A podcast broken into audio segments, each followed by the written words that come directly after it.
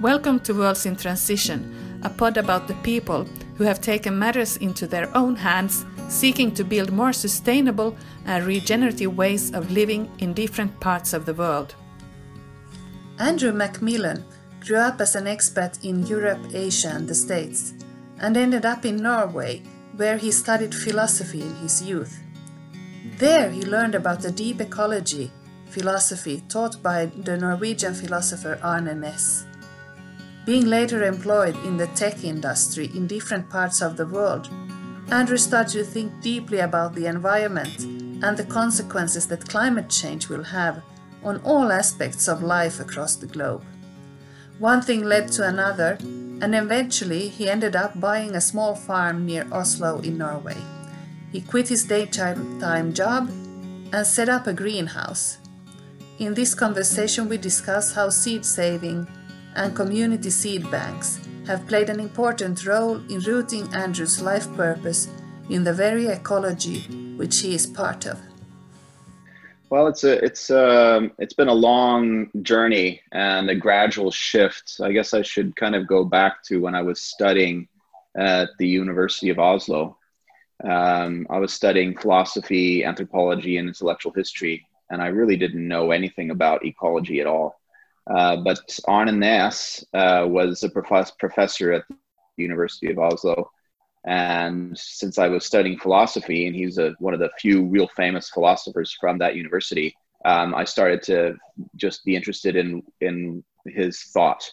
Actually, first I got interested in his action because he's a famous climber. Um, and he did something called uh, natural climbing, where he would climb without aid, which was quite radical at the time. His idea was he didn't want to uh, bolt into rock. He didn't want to destroy the rock, which for many climbers sounds really bizarre. Like, why would you not want to destroy the rock on a on a cliff?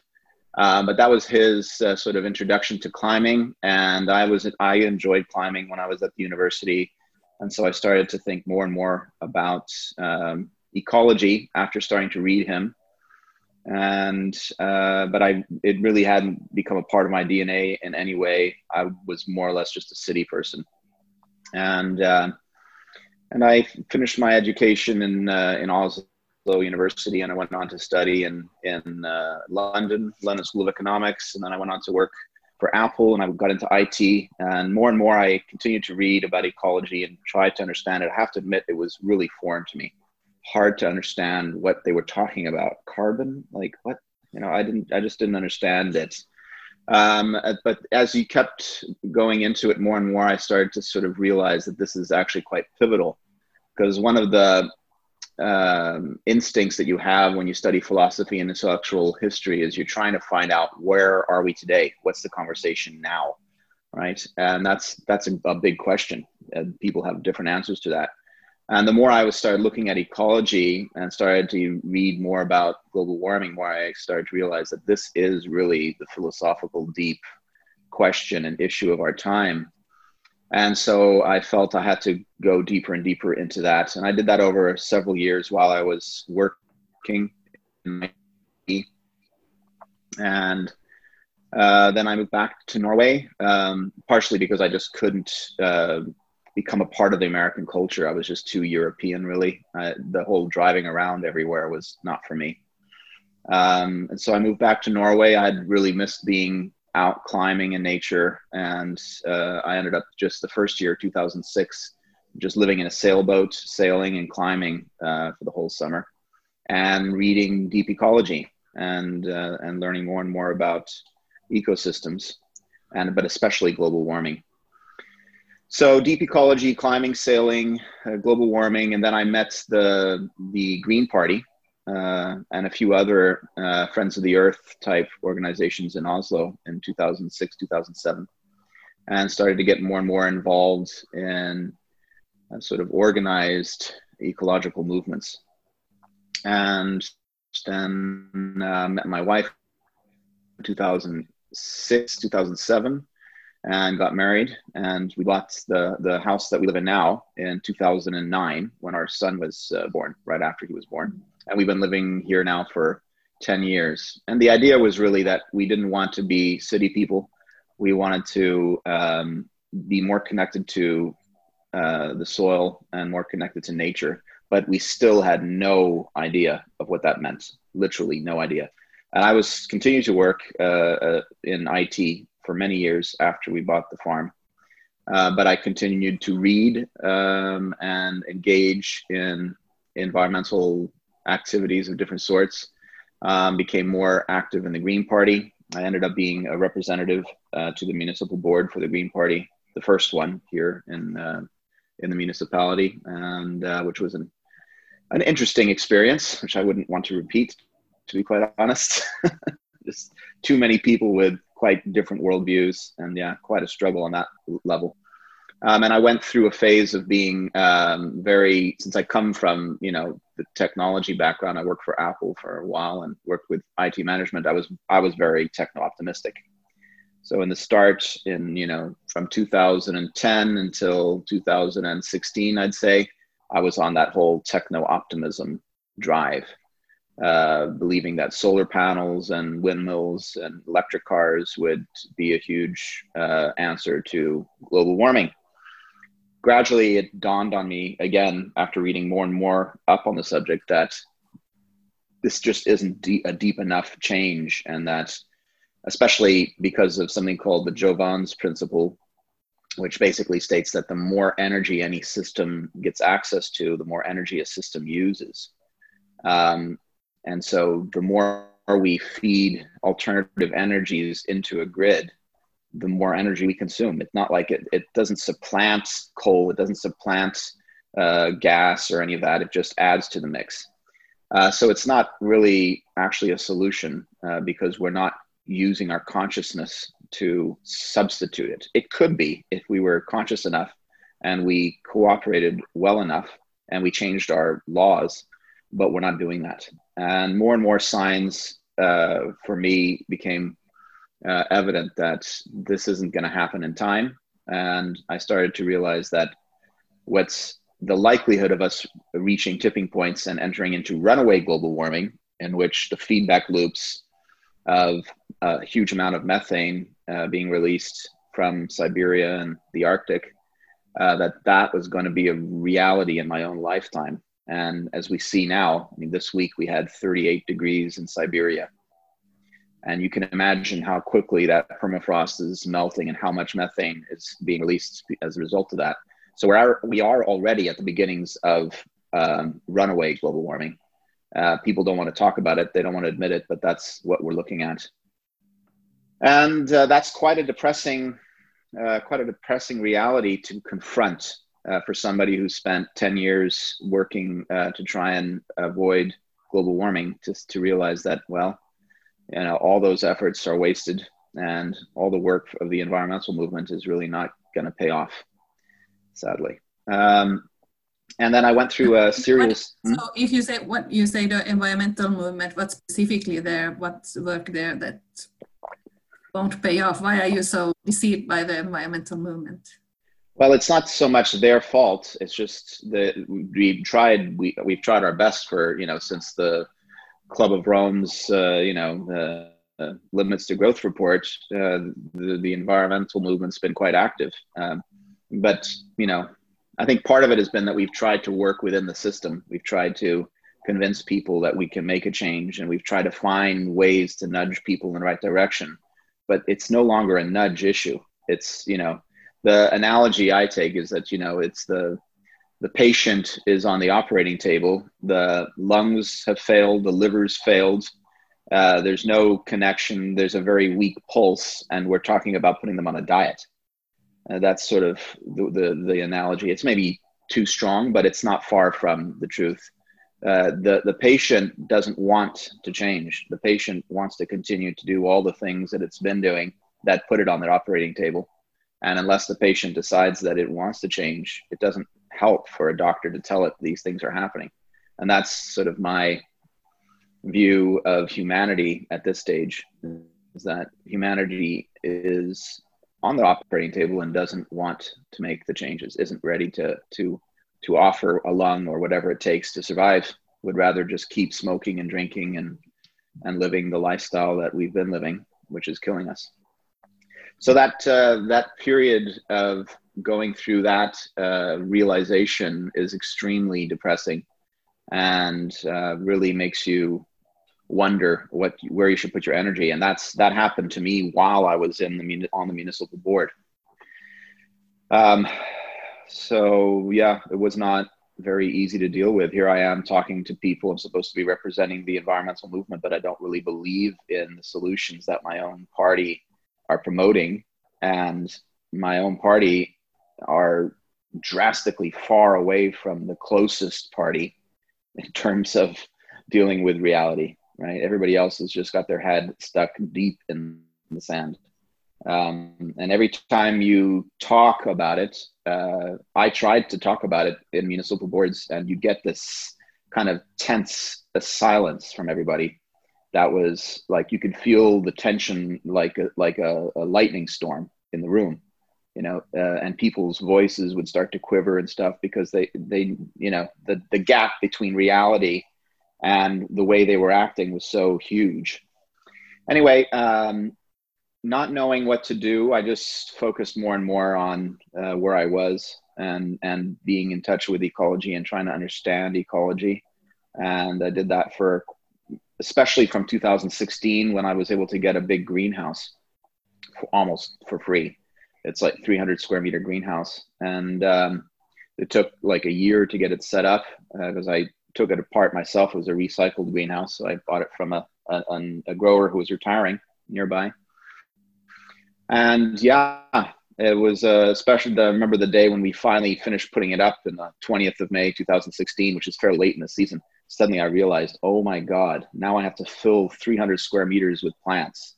You know, so but yeah, um, for me, being able to work with ecology saved me uh, in the sense of allowing me to gain some sort of mental stability um, and and being able to cope with the tragedies I was staring at. And there's a whole group of people who've been uh, realizing this. I mean, you've heard of the whole deep adaptation movement with uh, Jem Bendell, and that totally is the line that I'm on. Um, and I'm still on that line. I just feel like um, what we need to be doing now is just once we've accepted it, that we're gonna we're gonna be seeing and experiencing runaway global warming in our own lifetimes. Then we have to reprioritize our efforts. Um, and what that means for everybody, I don't know. But for me, what it means is to try and find ways to work with ecology um, to understand how ecologies have made it through uh, high entropy events, extinction events in the past, um, and and try and apply my consciousness to that problem instead of applying my consciousness and my efforts to avoiding it. And that's sort of where I am now. And what at what point did you jump off your career? You you quit your job. Yeah, that was in 2016 uh, it was it was kind of gradual. I was gradually not not doing well. So you know, tried and tried to keep it going, but I just wasn't able to. You know, I was in I was uh, an IT manager, so I was flying around all the time. I had to do quarterly business reviews for you know HP and Dell and Apple and all these big companies all over the place. And I just the, the footprint of flying was just weighing on my consciousness. You know, I was able to convince the, a lot of these companies to have these instead of having quarterly business reviews every quarter, have them in, in physical every other quarter and in, and online the other quarters. And that, of course, halves your footprint automatically. And now because of Corona, everybody's doing it virtually. So, uh, which is a which is a good thing, a big improvement. There's always trade offs in these sort of situations. So it's it is about finding out what kind of where are the positives in the trade offs, and uh, and not being too obsessed with all the mayhem and sadness and death that's that's coming. Um, mm-hmm. yeah, keep finding a way to look ahead, despite the fact that you know the end is near or whatever. but your your focus has been specifically then on on seeds. Um, right. Yeah. Community so feedback. I can start on that a little bit. Yeah, mm exactly. So that actually happened while I was uh, active in uh, the Green Party. I was working on um, on their policy for for bikes in Oslo in 2014, and I ended up in a meeting with the Electric Car Association, and I met somebody who tipped me about this organization called the Seed. It was, back then it was just called the the Plant Clubs, Planteklubben in Norwegians, and uh, I was like, hmm, that's interesting. Um, and I became a member back then. It wasn't actually a foundation yet. We became a foundation in late 2016, and I was at the uh, you know the, the establishment movement movement and ended up on the board. Um, and I've been on the board ever since uh, in one form or another. Now I'm the international representative for the Norwegian Seed Savers. That's the, the English name for the organization. And it's a community seed bank.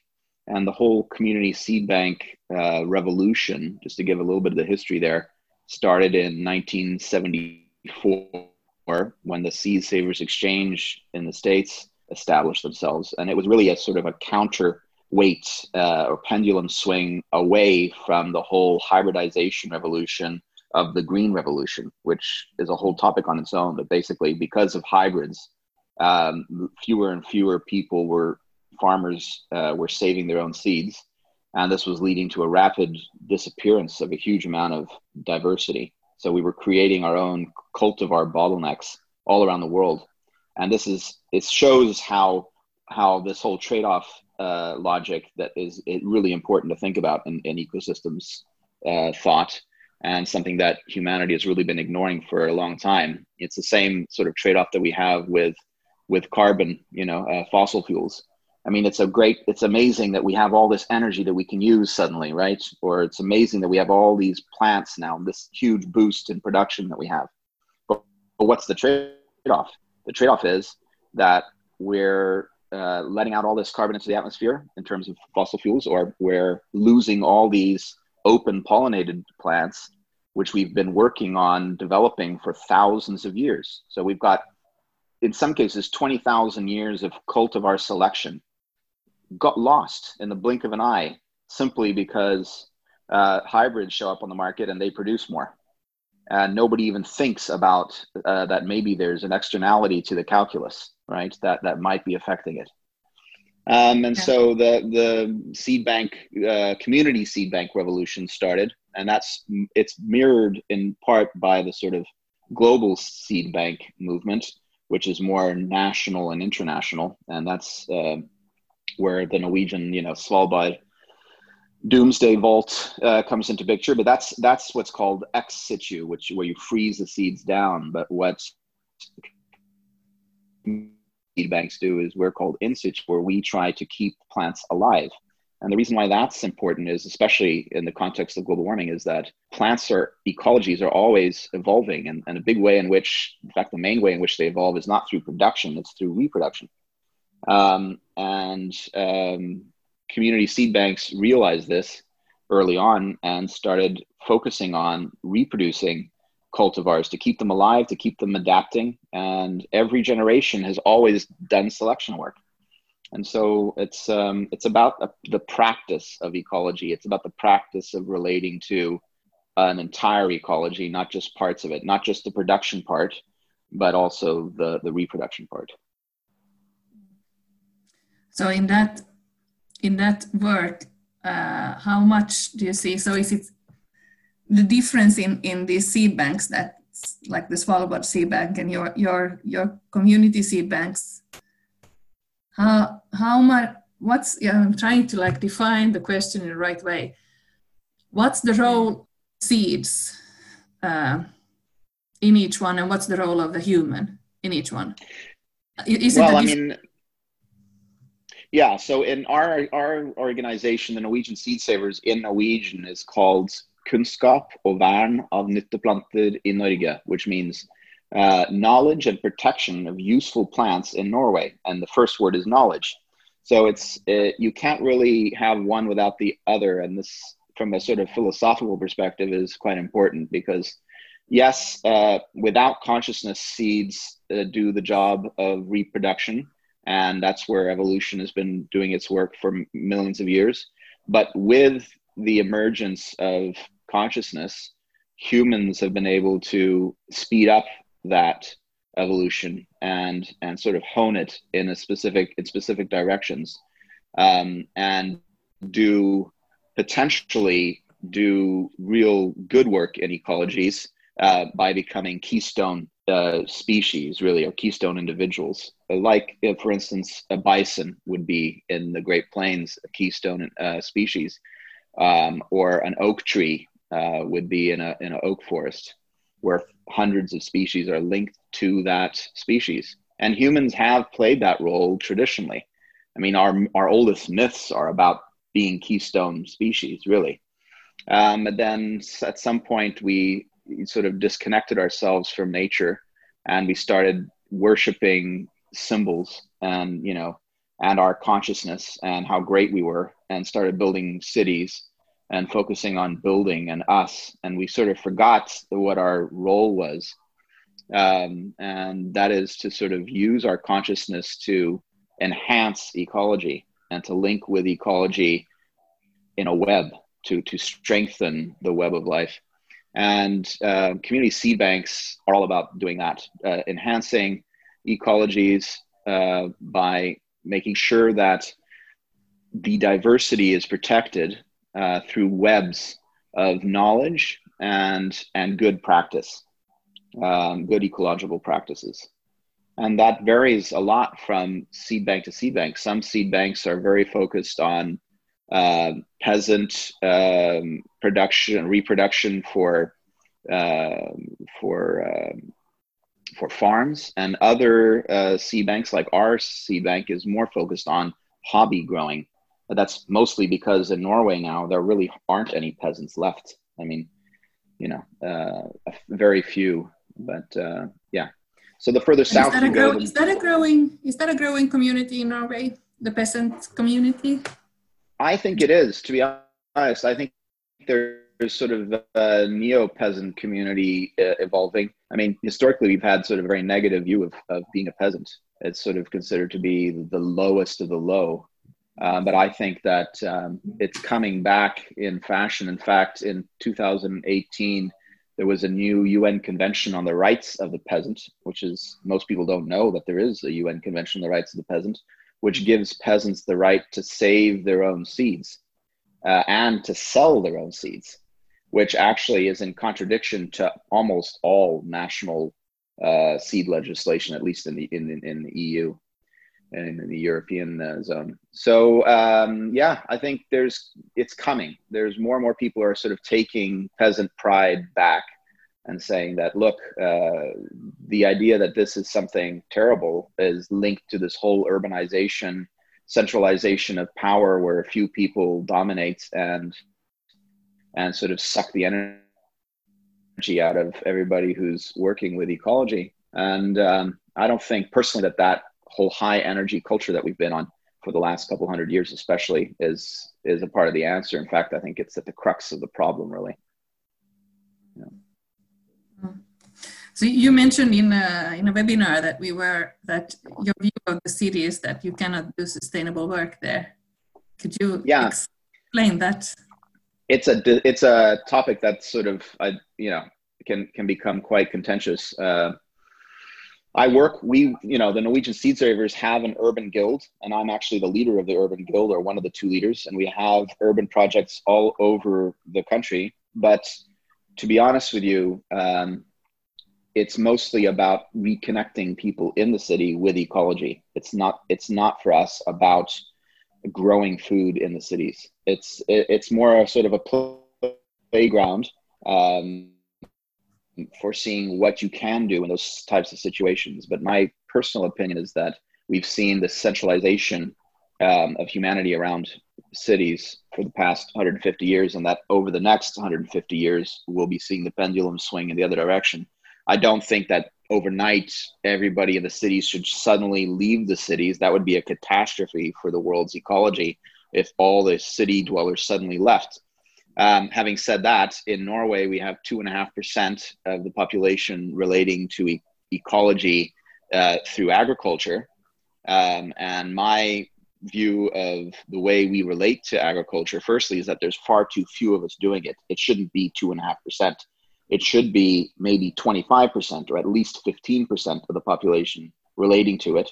And we should cut back the amount of machines that we use, uh, that we put between us and our ecology, which is again one of these wedges that we do. You know humans are really good at that. We try to separate ourselves from things that we th- decide aren't uh, worthy of our attention somehow. And we've done that with ecology you know to an excessive degree now we sort of treat it as this other thing that we're going to eat like we're going to conquer it and we're going to yeah kill it somehow. And that's like it's there and we're here. We're in the city and the nature is there. But that whole idea is has had a huge uh, yeah it's been detrimental to the biosphere. So we we trying to work with people in the cities um, to make them aware of ecology to connect people to ecology. But it's sort of a gateway to getting them out to the countryside and to get them to connect on a deeper level. Um, one of the sort of from a deep philosophical perspective uh, some of the thinkers nowadays are talking a lot about you know nature deficit disorder. I don't know if you've heard that expression but basically that we just don't know we don't have any connection to nature anymore. And i think that's a really good concept. But some of the answers to nature deficit disorder that have come up are like we need to spend more time in nature. We need to spend more time in forests uh, and i think that's true to a certain extent but my experience is that until you connect with nature on multiple layers and where you're not just going out to the forest for a weekend uh, or a bike ride, and where you're not just growing a couple of pot plants in your window or on your balcony, but where you're actually immersed in your ecosystem and you and you can feel that you're a part of a, an entire web and where the human design aspect is minimized and the natural cycles are maximized that's when you really start to connect and that's when your deficit disorder starts to e- equalize. So yeah i think uh, anything is better than nothing. A balcony with plants on it in the city is better than a balcony without plants on it but ideally we want more and more people to find ways to relate to ecology in a healthy way and to get to a state of resonance uh, with your ecology um, which is a, a whole nother topic that I, I talk about a lot, uh, sort of based on experiences that I've had of making this transition myself from city to country and and evolve and building up good healthy practices of entering into one feedback loop after the other with my ecology. And if you do that over a long enough period, suddenly you'll feel different. You'll actually experience a kind of it's kind of like um, being in an orchestra, right? But not just listening to an orchestra, but playing in an orchestra. Or the analogy I use is it's like surfing. You know, when you the first time you go surfing, you may you may get up on the board once. Um, if, if you're lucky, you'll spend 30 seconds on the board uh, out of several hours of paddling. But as you keep doing it, your paddling gets less and your board standing gets more and eventually you learn how to ride the wave right? And that's the whole point of, of surfing is to not paddle out but to get up on the wave and ride. And that's the way we should be relating to our ecology i think. We have this sort of uh, historical view of you know biblical view of you're cursed to till the soil. Well stop tilling the soil then you know? I mean it's not that difficult. Just get up on your board and surf it instead you know there's a throw diversity at it. And if you connect with the sort of reproductive levels in your ecology that's where the flowers are. The flowers are on the reproductive level. They're not on the productive level. So it's kind of sad that for so long humans have just decided to stop at production kill the plant when it's done producing and then that's the end of it. Well that's just just right before everything starts to get good. You know i mean aren't you going to complete the cycle ever? And don't you want to you know see how it becomes how it evolves? You know and we don't. We're not interested in how it evolves. And that's a big problem. We have this bottleneck of global warming and then we're going to throw another bottleneck at it which is to create these huge deserts uh, monoculture deserts of hybrids that don't reproduce. And that's going to be the way we feed ourselves? How's how does that work? How's that's from an entropy perspective. That's putting entropy on top of entropy that's a, it's creating extremely high entropy the systems. This is the exact opposite of what an ecology would do naturally. It would diversify, right? It would try and have, um, yeah, it would solve its high entropy, entropy problems by giving itself more diversity. And that's what we need to be doing. So the community seed bank revolution is all about that, really. Uh, finding ways to stabilize ecologies um, by connecting to the reproductive side. Mm. How do you do you connect in this work with also with indigenous communities? So with maybe with Samis in, in Norway or with I, I just went to a seminar in at Harvard where there were talks about reactivating seeds in among Native Americans. Well, it sounds a, very much uh, very much like what you're talking about because they had a hundred year old seeds that they tried to take out of museums and put them into soil. So I'm just thinking, do you connect with the, these kind of maybe ancient ancestral knowings that exist? Absolutely, in- no question about it. Um, one of the plants that I steward, because we you try and pick a variety that you take care of, and that's a sort of a part of the the process of being a, a, a keystone individual. And one of the the plants that I've connected to is called Mandan squash, and it's from the Mandan tribe uh, in uh, North Dakota. And the story is that they they lived along the Mississippi probably a thousand years ago, and most likely due to some sort of a conflict, they decided to move north, and they followed the Mississippi River up to the Missouri River, and they settled along this little stretch of land, which is a beautiful area um, and it's protected. It's a little microclimate because it's sort of it's the Great Plains, but the river basin sort of drops down, and you have these fertile valleys right down by the rivers, and that's where they settled some 500 years ago, and they grew their three sisters there, you know, beans, squash, and corn for hundreds of years, and of course they selected for those conditions. And when I started growing, I I really because I had to fill that greenhouse up real quickly, so I just got a whole bunch of different like 50 different squash varieties because uh, they they take up a lot of space. So the first year I just plastered the greenhouse with squash, just to sort of you know make the best use of it. And I and after and I after the first year I realized okay I need to find varieties that are aren't from Mexico because I was trying like you know New Mexico and Texas varieties and yeah okay I was able to get them to grow but it, it I could tell they weren't really happy there. So I started doing research. I studied anthropology before, so I started looking at okay which tribes were the sort of not the hunter gatherer tribes, but which were the tribes that actually grew the farthest north. And the Mandan come up quite quickly. Uh, Lewis and Clark, uh, famous expedition of, I think it was 1812, they ended up in the Mandan fort and it had some like 10,000 people in it. Anyway, this, uh, this uh, squash, the Mandan squash, showed up on the radar and I was able to contact a couple of um, seed banks in the States uh, and get a hold of some seeds and I ended up finding out that the seeds that I got were sort of the sixth generation back, uh, you know, six degrees of separation back, back to the last Mandan corn priestess. Uh, and uh, so I, I really feel a deep connection to that plant and uh, I'm glad that I'm able to continue on that tradition. I've been doing a lot of research on the Mandan tribe and how how both how they grew it and all the troubles that they've had uh, with you know white people in the states taking away their lands. They ended up building a dam on their ancestral lands, which is a, a terrible story, really.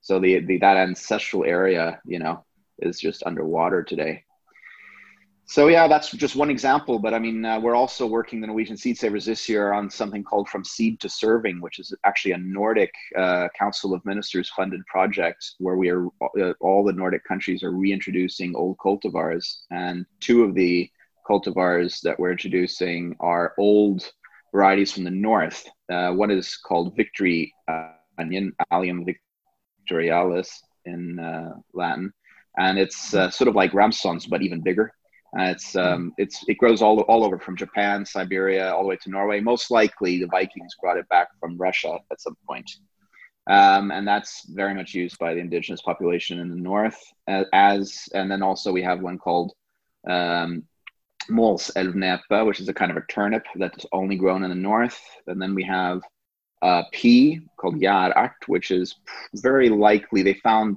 pottery in the very south of Norway um, that has an indentation that looks just like that pea because it's a very sort of unique looking pea and that's 2000 years old but we know for sure that 1200 years ago that pea became quite standard and then shetland kale which uh, i'm partially uh, my ancestry is scottish so Shetland Islands are sort of in between Norway and Scotland and have been both Norwegian and Scottish territory. So that's uh, uh, an area that I'm linked to, and I, I steward the Shetland kale, uh, which is a quite a beautiful uh, kale that's sort of in between, kind of where cabbage comes out of kale in the sort of history of, of cabbage. So yeah, those are some of the plants, and then one, the last one, we have five, is uh, we got from the Seed Savers Exchange. Quite a nice story. It's a French bean called Norwegian pencil bean, and it is it hasn't existed in Norway for decades. Nobody knows exactly when it left, when it became extinct in Norway, but the Seed Savers Exchange got it, uh, and they donated it to the Svalbard Seed Vault, and then we I got ten beans in 2018, and then managed to save up to 400 beans last year, and then this year hopefully we'll get to like several thousand beans. So it's those types of projects of bringing stuff back from extinction and opening up bottlenecks of diversity and yeah and also you know adaptation to climate change. That's a there's a lot of work that needs to be done there. Most of the plants that are cultivars have adapted to conditions much further south. And as global warming kicks in we're going to need to be migrating cultivars further north. And the bottleneck there is really the adaptation part. I mean we can move the plants up eh, eh, whenever we want but if the plants aren't adapted to the conditions then it won't it won't really be any good. Just an example: spinach goes to seed uh, when there's more than 12 hours of sunlight, which in Norway is in March already. You know, it's like it's already there's still snow when this thing's supposed to be going to seed. So, but there, what we found is if you if you sow it in the in the late summer, early fall, then it matures to a certain quite a good level. And since by then, if you if you if you calculate it so that it's it becomes mature when there's less than 12 hours, then it doesn't trigger and it overwinters quite well. It's actually quite a hardy plant. So what you get is you get a whole crop, a very late crop, all the way up till Christmas, and then it comes back in the spring. So you get a very early crop. And so here we have, for us, it's actually turns out to be a really good thing. But that's not going to be the case for for all plants, especially like nuts and stuff. We're going to have to do work to to select. And the more people that are doing that the more quicker we're you know more quickly we'll be able to stabilize ecologies uh, for the north. And that's really what we should be focusing on. I mean i don't think spain italy uh, france uh, and greece are going to be the breadbasket of europe. We're talking about scandinavia and russia uh, is going to be and, and finland. Those are going to be regions where we're going to have uh, most of the food production within the next i think already within 10 15 years um, and uh, the other the areas for the south are going to be like uh, Morocco is today. Uh, so we, we have to be thinking that way, and we have to start doing that work. And it's surprising how little money is being put into this by states. It's mm. shocking how little. Mm. But it's because mm. people really don't believe that it's going to happen. People are in denial about it. But science is clear. Yeah, yeah, but what about? So you you said that you are directed towards the hobby growers. Mm. What's their role in all this? Do you think that they are like the the, the upholders of the knowledge, or, or should it be my, more professional? Or are also what's the role of professionals versus hobby growers? It all depends on your attitude to what you're doing. If your attitude is, how can I make a hybrid that I can monopolize uh, so that I can uh, m- uh, mass produce a crop uh, so that I can live uh, in a lap of luxury for the rest of my life, and some multinational company is going to get the rights to it. If that's your professional attitude to uh, to the the troubles that we're facing as a, as as a planet, then I don't really want your professional help. I would rather have a bunch of amateurs uh, to work with who are focused, have the right ethic. Um, the, the, uh, it goes without saying that if professionals decided to put their energy to good use and start uh, looking at, e- at what they're doing as an ecological function instead of as a marketable skill, then we could fix these problems overnight. But that's the same answer that the, the answer to global warming. We could solve it tomorrow if all the professionals decided to stop being selfish and start cooperating you know if we start stop being rivalrous and started you know connecting together and and and holding hands and and working things out we could solve all the world's problems we got the technology and the skills and the the money actually you know and the time we we can fix it but we're not gonna you know we're not gonna and well, how, did, um, Yeah. And how do you see the, the crisis that we're just now? Well, we're still in the middle of it, but the COVID crisis, how does that impact all of this? Does it impact well, the, um, the consciousness? It's it's there's trade-offs in everything that happens. So of course, uh, from a human suffering perspective, it's a terrible tragedy, um, and from an economic perspective, it's a terrible tragedy. But uh, from the perspective of ecology, it's a slight breather. Um, I know people in cities who've never seen a, a, blue sky, and for the first time, they're seeing blue skies. Um, and um, you know, uh, the trade-off for me is that people are recognizing that the way we've been doing things is really just based on a mantra. Uh, it's it's a code that we decided is the code that we're going to do things by. You know, this this growth uh, mantra that we've been on uh, since you know World War II. Basically, that's when it really showed up. Um, that mantra is really fake. I mean, it's not like if you look at humanity throughout the uh, you know ecological time, we've not had uh, the the growth uh, mantra as as our main driving force. It really hasn't been. And the the the trade-off of moving away from the growth mantra is that maybe we should start looking at bottlenecks instead of growth. It, i always use the analogy of a wave right? Because in ecosystems everything happens in waves. Waves and bottlenecks. A wave comes and as it crashes on a beach it creates a bottleneck and that's always the case a wave is followed by a, a, a bottleneck and an exponential wave is followed by a very tight bottleneck and that that that uh, economists in the world haven't thought of that is shocking. Uh, why are they ignoring that fact? They're stacking exponential waves on top of exponential waves on top of exponential waves. They're ignoring all the externalities. Boom! At some point, it's going to happen. And uh, and the coronavirus for me shows that we can do things differently, and we need to do things differently. And more and more people are realizing that this whole globalized uh, just-in-time logistics uh, model is is showing its its weaknesses are showing, and more and more people are wanting to connect to ecology as a result. I mean, our the demand for both knowledge and seeds for from community seed banks has spiked all over the place. One uh, one seed company in the states that's one of the bigger uh, organic seed companies had 15 times the demand for seeds as a normal year and we have we have doubled our our membership in just a few weeks.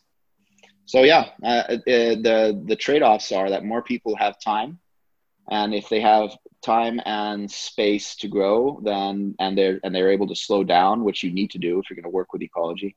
You can't be all frantic and thinking about how you're going to make a, a buttload of money overnight. Um, and if you're able to do that, and more people are able to do that, and if they're then able to reconnect with ecology and realize that ecology is actually the substrate upon which humanity lives. It's not just something to externalize. Uh, if enough people um, are able to connect on that level, then I think we could see a bigger counter uh, wave coming to the the sort of structure that we've been uh, that has been dominating humanity for at least since World War II. Do you think that your colleagues in the municipality have come to realize something important through this, or do you think their heads are still in the sand, as you just mentioned earlier? Well, there's like 35 board members. I know definitely some of them have uh, seen things differently. I don't doubt that. One of them actually got corona. The the mayor got corona. So I think, um, and I, I haven't actually been that in contact with them, but I would I would hope that they that it has made them think. I would hope that. Uh, I mean, we live in an agricultural municipality, and I do know that the Center Party, which is the Farmers Party, there are people there are definitely thinking about it. When we had the drought in 2018, that that hit farmers hard, and it really made them think.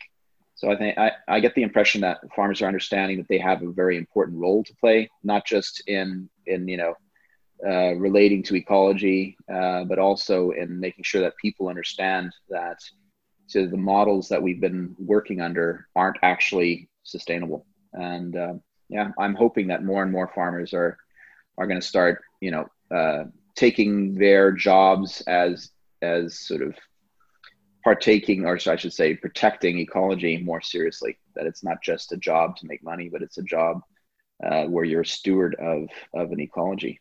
And uh, trying to understand how to do that in a more sustainable way. I'm sure that there are many farmers that already see uh, see themselves as such. Uh, that's my experience, and I think that I would say all farmers see themselves as that based on on the interviews I've done with farmer communities previously. Uh, mm. Issue is that the methods that go into farming are so diverse, and and then who is it that actually decides what ecology is? Because it really gets blurry. I've done research where I've asked uh, farmers, uh, "How do you define sustainability?" and and your your practices related to sustainability and i realized that everybody's sustainable and everybody's doing their best and that is amazing that everybody's doing their best but the results are different and maybe not all of the results are leading us in the way that you are describing yeah and i think from my experience at least i mean i don't come from a farmer's background so i come more from an academic background so for me, I'm trying to look at everything in a big picture to figure out where did we make mistakes and, and where are we heading and how can we reverse the mistakes and, and head in the right direction. And one of the books that I read while I was studying ecology that made a big impact on me was called the or is called The Unsettling of America by Wendell Berry. And it's a classic. I advise anybody who's in, in fact, anybody should read it. Basically, it just looks at the history of of how modern uh, agriculture affected, uh, you know, uh, agriculture in the states, and how tractors came in and how that affected the economics, and how a lot of the the centralization, in fact, the whole centralization, the global centralization, was driven by tractors. If the tractors hadn't come, we wouldn't have had uh, the mass influx of people moving into the cities that happened around the turn of the century. Um, and the same thing goes for every time there was a, a up in production of some sort. Once we started uh, throwing, uh, you know, Haber-Bosch after World War One, we started throwing artificial fertilizers. There, right away, a whole bunch of farmers went out of business because they couldn't keep up, and though, and and then they got bought up by the bigger farmers with the you know bigger tools and the and the bigger production. And that that the drive to more and more production the ex- externalities of that was that people moved to the cities. And when they moved to the cities they had to get work for industry because that was what was in the cities. So the whole you know looking at the way humanity has uh, organized itself in in a in a in a larger context is really important when you're thinking about why you should or should not partake in a practice or how you ended up practicing the way you are practicing. And for me, the whole small is beautiful uh, philosophy, where you try and find appropriate technologies to dealing with ecology and production of food in a sustainable way is at the crux of what we're seeing with the whole peasant, you know, rebirth uh, and pride movement. People are realizing that doing things small scale is much better for the environment. Um, and regenerative agriculture wave. Um, these are all uh, really good signs, in my opinion, about sort of the counterbalance again to this whole bigger is better get big or get out philosophy that dominated agriculture for many decades. Get small and get in. That's what I say. but that's still the issue. That's still the issue, though. Uh, you are like you. You just mentioned that a lot of people went out of business because they couldn't keep up, and to reverse it, it does mean that that you have to go against the market logic, and you can only do that if you have uh, supportive uh, systems that keep you going. Absolutely. And like this whole recoding revolution right? That that is that's what's allowing these types of operations to function. I mean everybody i know who's in that uh, that you know regenerative uh, back to the land doing it small scale they're all selling at, at equitings or community sponsored agriculture. You're totally right. People have to um, opt out of the the big chains, the global flows, buying avocados and whatnot from the supermarkets, and find local, uh, ethical uh, producers and reproducers, and start buying from them, and and demand more diversity. Don't don't buy the same cucumber for the rest of your life like most people do. There's so many different kinds of cucumbers. My God. How do you get them? How do you get access to them? Well, the... find a community seed bank. Find a community seed yeah. bank. Get a hold of the seeds and start growing them. You know. yeah. and uh, and it's so much more fun than buying that same cucumber every year but it's still and, and we were talking before we started recording uh, about the reactions of people and so one reaction I often get is that it's only the privileged uh, people that and ha- that have the financial means that can do this kind of move. How do you look at that? Because that's basically it. If it's people were left without a job, they had to move into the city. So who are the ones that can move out of the city and do what what once was gone bankrupt? Well, it is the people with the financial means. Hmm. How do well, you look at that? Well, two two things there. I would say. Firstly, I would really like to, and I've been thinking about a lot, uh, be able to facilitate and build models for enabling more people to move out of the cities and to work with small scale production. So, one of the uh, concepts that I'm working on now with a group of uh, deep ecologists and uh, eco village people is to try and redesign eco villages um, that are sort of more almost semi nomadic eco villages. Uh, in the sense that you could set them up quite quickly. They're based around greenhouses. So you're it's all it's mostly based around doing work by hand. There's no tractors involved. Your your your appropriate technology is a greenhouse, the watering systems, uh, um, a lot of diversity, and tiny houses, right? Uh, so it doesn't take that much to set up. And in the north, where you only have doesn't matter how hot it gets, we'll only have a short season in the north because of the sunlight that's never going to change, right? So there's no real point trying to grow after a certain period, right? Uh, unless you're unless you have a greenhouse and you really know what you're doing, right? Um, and except Spanish. Right, right exactly. Well, there are some exceptions, but in general, you, growing outdoors at least is pointless, right? In the wintertime in in in Norway, and the same would count for Canada and Siberia and all these places where we should expect within the next couple hundred years a huge increase in population, right? People are going to be moving north uh, guaranteed. Uh, and we're going to be need to be doing more production in the north.